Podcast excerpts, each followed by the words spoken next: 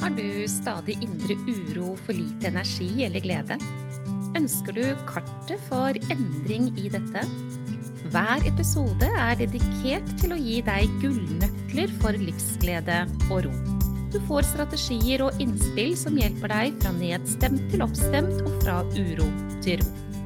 Vil du ha en gratis oppskrift for å lage deg gode dager? Gå til www.gayabalanse.no for din herlige morgenrutine. Denne episoden den har jeg gledet meg til å lage. Det handler om relasjoner, det handler om den største utfordringen i relasjoner. Og det er kommunikasjon, og ikke bare det, kjære lytter. Det handler om den veldig vanskelige kjærligheten. Og den må man jo også kommunisere, da, ikke sant. Er det utfordringer her, altså knute på tråden? Man blir ikke forstått, man får ikke det man trenger. Man aner ikke engang, kanskje, hvordan man skal nå frem til den andre. Ja, da har man store utfordringer, og ikke bare det.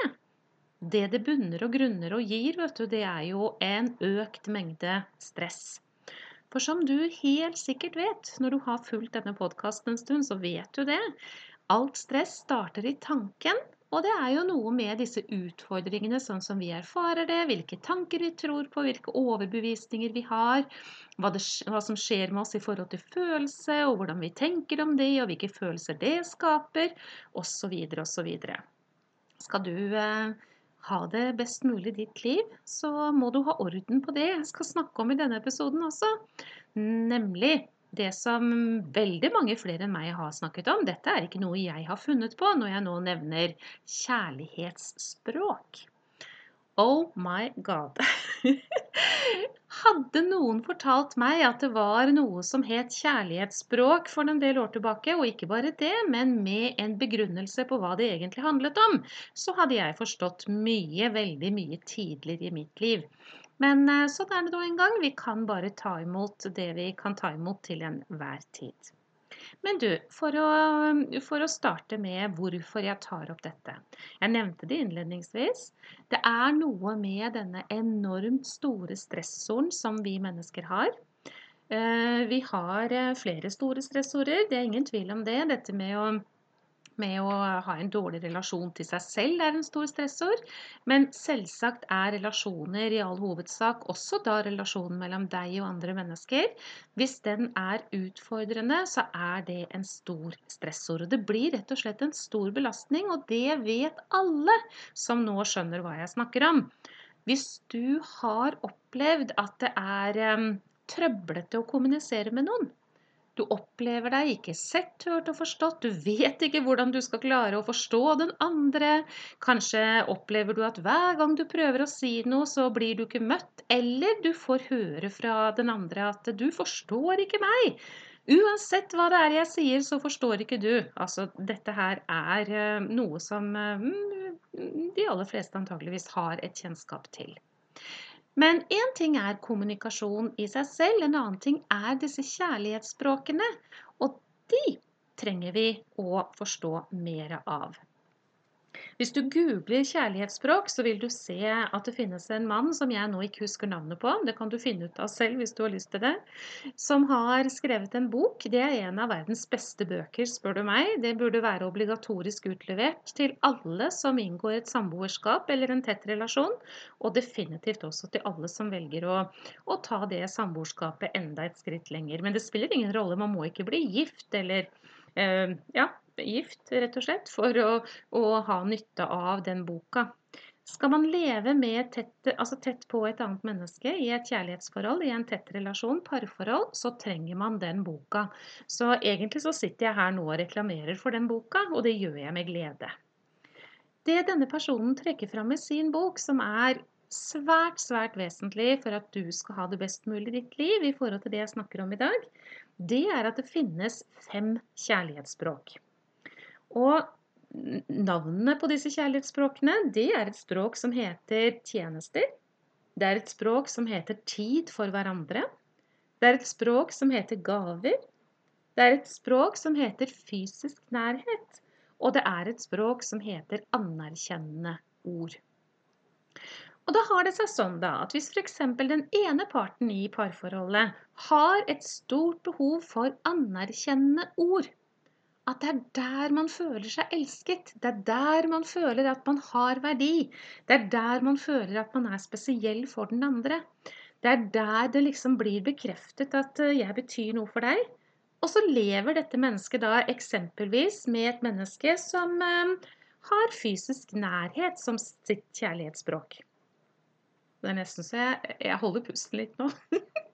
Fordi at hvis det mennesket som trenger anerkjennende ord, ikke får det, og den andre må ha nærhet for at det skal bli bekreftet at eh, jeg betyr noe for deg, og vi er på G, liksom, så er det klart at den som trengte anerkjennende ord, er kanskje ikke like villig til å gi den fysiske nærheten når alt kommer til alt, sånn litt ute i det her parforholdet her. Ikke den første uka og de tre første månedene og sånn, men sånn litt etter det. Og så skjønner man ikke hva det er som foregår, men eh, det bare ulmer i eh, mosen her. Eller et annet eksempel. Hvis den ene parten trenger tid, altså tid for hverandre, og den andre parten har sitt kjærlighetsspråk, hovedspråket i det å gi gaver, så vil jo ikke de gavene som kommer klokka 11 om kvelden og 'Hei, jeg var kjæresten min, ikke sant? Nå er jeg endelig hjemme', og sånn. Og så har man sittet der og tenkt at 'vet du hva, nå har ikke du hatt tid for meg de siste tre ukene'. Jeg syns at jeg har vært så tålmodig, jeg krever ingenting av deg, jeg sitter og venter, men du viser jo ikke i det hele tatt at jeg er viktig for deg. Og så kommer du nå trekkende med gaver. Ja, hvor mange ganger? Hva, hva tenker du at disse gavene skal bety i dette? Og den som ga de gavene, eller gaven, kommer jo med sin kjærlighet og legger den på bordet og sier 'jeg elsker deg', ikke sant? Mens det faller jo ikke i den jorda som man kanskje hadde håpet på, fordi vedkommende forstår ikke fullt og helt det språket. Dette er veldig interessant. Og så har jeg lyst til å si det at det er de færreste av oss som kun har ett av disse fem språkene, men vi har veldig ofte liksom Eh, hovedfokuset vårt i ett av de fem, og så har vi en av de andre, eller kanskje to av dem, som litt sånn perifere eh, viktigheter for oss. Men hvis et menneske har f.eks. da dette med tjenester som eh, sitt kjærlighetsspråk, og partneren trenger gaver og anerkjennende ord, og det kommer ikke, fordi den som gir tjenester, den forstår jo ikke noe annet enn at det er jo Altså, du må jo forstå at jeg elsker deg, liksom. For her gjør jeg og gjør jeg og gjør jeg, og så byr jeg på, og så holder jeg det gående her. Jeg er jo så snill og raus og varm og god og alt mulig. Jeg gir deg jo alt du trenger. Tror vedkommende. Men det er ikke det som skjer. Så Kanskje var det noe i det jeg sa nå som du skulle få med deg. Og så er det noe med å tenke på denne måten ut fra en tett relasjon, altså en kjæresterelasjon. Men det går an å leke litt med muligheten for å forstå hva andre mennesker som også betyr mye for en, faktisk har for slags kjærlighetsspråk.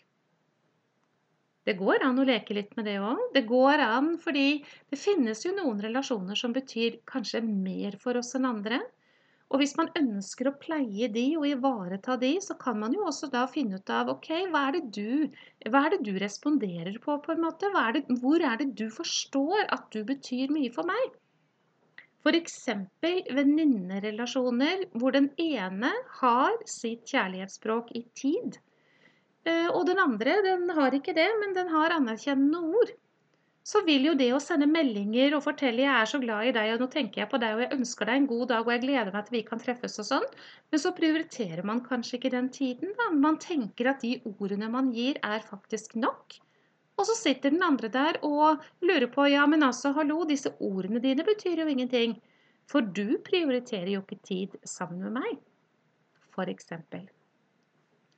Akkurat som ikke relasjoner var utfordrende nok kommunikasjon i relasjoner.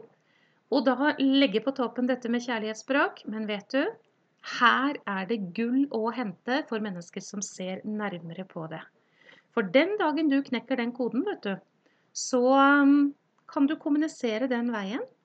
Og så er det jo noe med å sette ord på hva man selv har behov for. da, Rett og slett ta en prat med partner ikke sant? og si du, jeg har forstått at dette er det viktige for meg. Og så tror jeg at det er sånn her det gjelder for deg. Hva, hva tenker du? Er det riktig? Har jeg forstått rett? Og så blir det jo da i fellesskap å finne ut av hvordan er det vi kan tilnærme hverandre her. Kanskje har den som, eh, som har sitt kjærlighetsspråk i, i, fysisk nærhet, kanskje den er nødt til å by på litt anerkjennende ord, da, hvis det var det som skulle til for den andre her. Pluss at den andre er nødt til å by litt på mer fysisk nærhet for å kanskje få mer av de anerkjennende ord. Ja, det er jo en dans, det hele.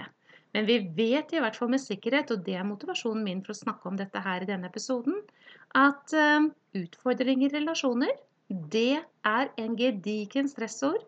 Fratar oss livskraft og fratar oss livsglede og kan fort uh, skape svært stor, svært stor uhelse. Det har vi ikke råd til, så vi må ta det på alvor.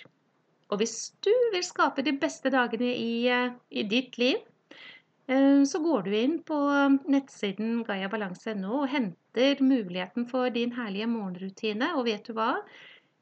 Ikke daglig, men nesten daglig får jeg e-post fra lytter, lyttere, deg eller andre, som sier du Monica, nå har jeg brukt den uh, herlige morgenrutinen over en god stund her, og jeg bare kjenner at den gjør masse for meg.